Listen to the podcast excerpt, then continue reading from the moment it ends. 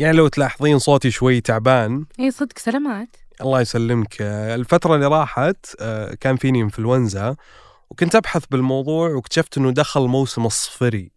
الصفري طبعا هي التسمية الشعبية في السعودية لموسم الخريف. ويسمونه صفري لأن قرص الشمس يميل عنه شوي فيصير لونه أصفر أكثر. والسبب الأساسي أن الأجسام تصفر من الأمراض لأنه يعتبر هذا هو موسم الأمراض الموسمية. ومدته تقعد تقريبا 26 يوم وينصحون فيه بشرب المشروبات الدافئة وأخذ التطعيمة الموسمية يعني. وبعده خلاص يجي يدخل الوسم. يبدأ البرد. يبدأ البرد زين الأجواء. هذا بودكاست الفجر من ثمانية. بودكاست فجر كل يوم. نسرد لكم فيه سياق الأخبار اللي تهمكم. معكم أنا وفاء عبد العالي. وأنا مشاري الحمود.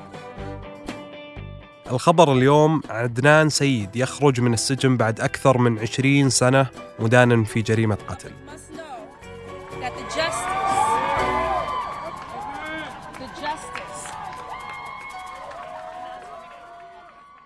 عدنان سيد أصبح خارج السجن. هذا هو الخبر اللي يشغل الصحافة الأمريكية والملايين من حول العالم اليومين اللي راحوا. عدنان سيد شاب كان عمره 17 سنة لما أدين بقضية قتل في مدينة بالتيمور في أمريكا. المقتولة هي زميلته في المدرسة هاي مين لي وهي بنت أمريكية من أصول كورية جنوبية. كانت مين لي وقت الجريمة طالبة في مدرسة وودلاون الثانوية في مقاطعة بالتيمور بولاية ميرلاند. وفي يناير 1999 اختفت هاي مين لي بشكل مفاجئ. أبلغت العائلة والمدرسة عن الاختفاء وبدأت عمليات البحث عنها لمدة أربعة أسابيع تقريبا. وبعد ما تحركت الشرطة وقادت عمليات بحث كبيرة في المدينة شافوا جثتها في منتزه ليكن بارك في مدينة ميرلاند. كانت تقارير الشرطة تقول إن هايمن انقتلت بالخنق وبدأ البحث عن القاتل. كانت الأدلة اللي عند الشرطة والمدعين العموميين تقول إن في شخص مقرب منها اسمه عدنان سيد. عدنان صار بعدها هو المتهم الرئيسي في القضية. المهم بعد سنة تقريبا من البحث والروحة والجية في القضية وتحديدا في عام 2000 خرج صوت جهوري في إحدى قاعات المحكمة اللي يحاكم فيها عدنان سيد. هذاك الصوت كان صوت القاضي اللي ينطق بالحكم بعد ستة أسابيع من جلسات المحاكمة. ونطق القاضي بالحكم ساعتها عدنان حكمت محكمتنا عليك بالمؤبد. أنت مدان في قتل صديقتك هاي من لي. وبعد أكثر من عشرين سنة صار الغير متوقع. في يوم الثلاثاء 20 سبتمبر 2022 أصدرت قاضية أمريكية في نفس المدينة حكم بإبطال الإدانة. وفعلا خرج عدنان من السجن.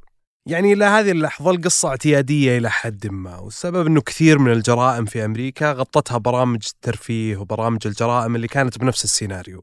سجين مظلوم يسجن لسنوات بعدين يطلع. لكن الشيء المثير في هذه القضية أن محاكمة وإدانة عدنان صار لها مسار مختلف. التغيير حصل لما بدأ بودكاست اسمه Serial وهو بودكاست استقصائي تملكه صحيفة نيويورك تايمز بإنتاج سلسلة عن القضية. دخلت محاكمة عدنان دائرة الشك عام 2014 تحديدا يوم أنتجت Serial سلسلة من 12 حلقة في موسمها الأول وهنا بدت القصة اللي قلبت القضية. لأن في أحد حلقات Serial ذكر أن المدعي العام في مدينة بالتيمور شاف ملاحظتين مكتوبتين بخط اليد في ملف قضية عدنان. هذه النقطة غيرت كل شيء. بس يمكن الواحد يتساءل ليش هذه النقطة تحديدا غيرت مسار القضية. النقطة الأولى أنه كان في أكثر من شخص مشتبه فيه وكانت لهم سوابق إجرامية لكن في القضية ما كان لهم حضور قوي في المحاكمة. وهذا فتح التساؤلات. المسألة الثانية هو أن عدنان سيد وفق شهادة بعض الأشخاص كان في مكتبة المدرسة في الوقت المفترض لوقوع الجريمة. وهذه النقطة أثارها البودكاست. طبعا هذه الأسئلة كانت هي النقطة المفصلية في تغيير مسار القضية. لما نزلت الحلقات في عام 2014 كانت النتيجة 100 مليون مستمع. ولكن الأهم هو أنه بدت موجة لا نهائية من التساؤلات. ورغم كل هالتأثير اللي سواها البودكاست إلا أن المحكمة وقتها رفضت فتح القضية وإعادة المحاكمة. طبعا ممكن تتساءل ليش بودكاست Serial صار في واجهة هذه القضية المعقدة؟ الإجابة هو أنه فتح عيون العالم على ثغرات في مسار محاكمة عدنان سيد. والأسئلة اللي أثارها البودكاست زادت من تأييد إعادة النظر في القضية. طبعا هالشيء ما كان ممكن يصير لولا شخص مهم في فريق الإنتاج وهي الصحفية سارة كونيغ. سارة كانت موجودة حتى في لحظة النطق بالحكم وكان معها المايك لحظة الإفراج عن عدنان. طب من هي سارة هذه بالضبط؟ سارة هي المسؤولة عن تغيير مسار القضية لسبب رئيسي. إنها اشتغلت خلال عملها على البودكاست بفرز آلاف الوثائق المتعلقة بهالقضية. وسارة وفريقها راحوا أبعد من كذا حتى. لشهور جلست سارة تسمع لشهادات المحاكمة واستجوابات الشرطة وتكلمت مع كل شخص شافت أنه ممكن يتذكر اللي صار بين عدنان سيد والمجني عليها هاي من لي. وأهم شيء اكتشفته هو غياب شاهدة رئيسية في القضية. هذه الشاهدة كان عندها حجة قاطعة بأن عدنان كان موجود معها في مكتبة المدرسة بالوقت اللي صارت فيه الجريمة. النقطة هذه كانت كفيلة بتبرئة عدنان من القضية من سنين لكن لسبب غير مفهوم محامية عدنان ما اتصلت بالشاهدة والمحامية ماتت قبل تسجيل حلقات البودكاست بسنوات. هذه هي الثغرة اللي هزت الثقة في مصداقية الحكم ضد عدنان وهذه هي الأسئلة حتى اللي تبناها الملايين من الناس اللي سمعوا للبودكاست بعد سلسلة طويلة عريضة من النقاشات قررت المحكمة تعطي عدنان حق طلب الاستئناف في الحكم القديم الصادر ضده. وبعدها بكم شهر وافق القاضي يعقد جلسة استماع أمام المحكمة عشان ينظر في الأدلة الجديدة بعد ما بلغ الجدل اهتمام واسع على المستوى الإعلامي والشعبي.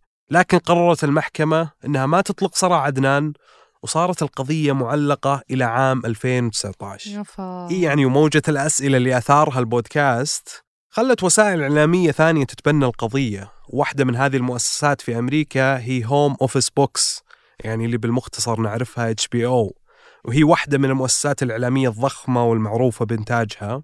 قررت HBO تنتج فيلم وثائقي من أربع ساعات في عام 2019 الفيلم قدر أنه يروج لقضية عدنان للجمهور الأمريكي والعالمي.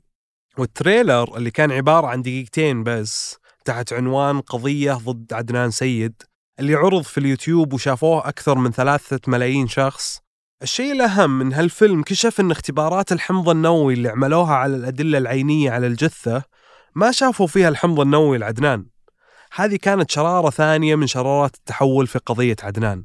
وفي مارس من عام 2022 قررت المحكمة بعد عرض وثائق HBO بسنتين إنهم يجرون فحص الحمض النووي مرة ثانية. وأخيرا في هذا الشهر طلب الادعاء العام من القاضي إسقاط الإدانة عن عدنان سيد. الادعاء ذكر أن التحقيق كشف عن احتمال وجود مشتبه بهم آخرين في الجريمة. ولهذا السبب منع عدنان الحق في إطلاق سراحه.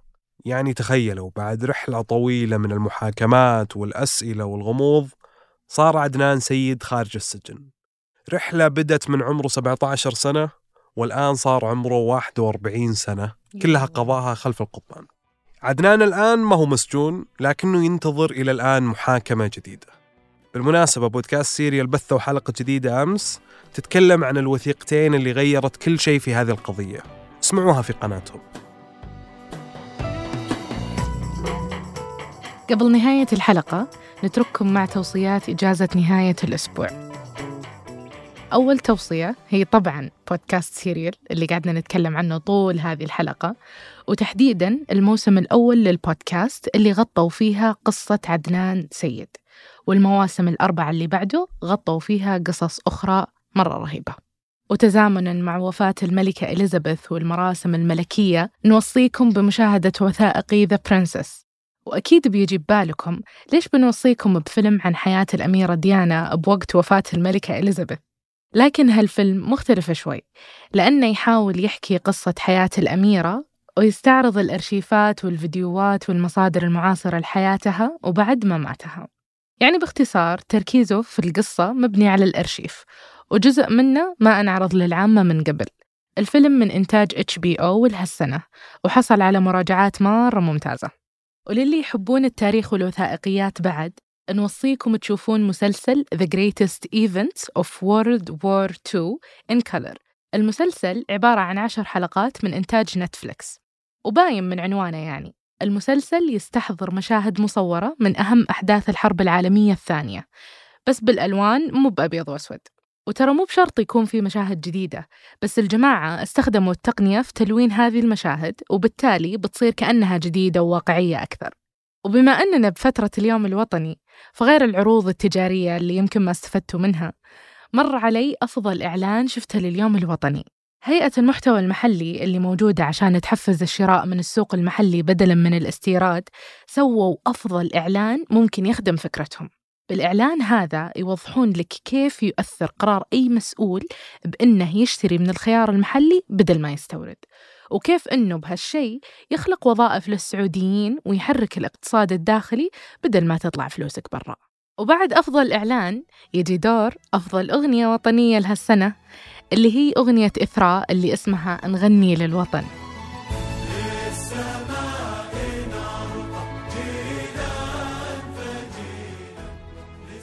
الرهيب بالأغنية كيف كانت كل الكلمات فصيحة وبنفس الوقت اللحن شعبي. وكيف قدروا يعبرون عن أكثر من فن سعودي بحيث يجتمعون كلهم في الأغنية كفن لدولة واحدة في يومها الوطني.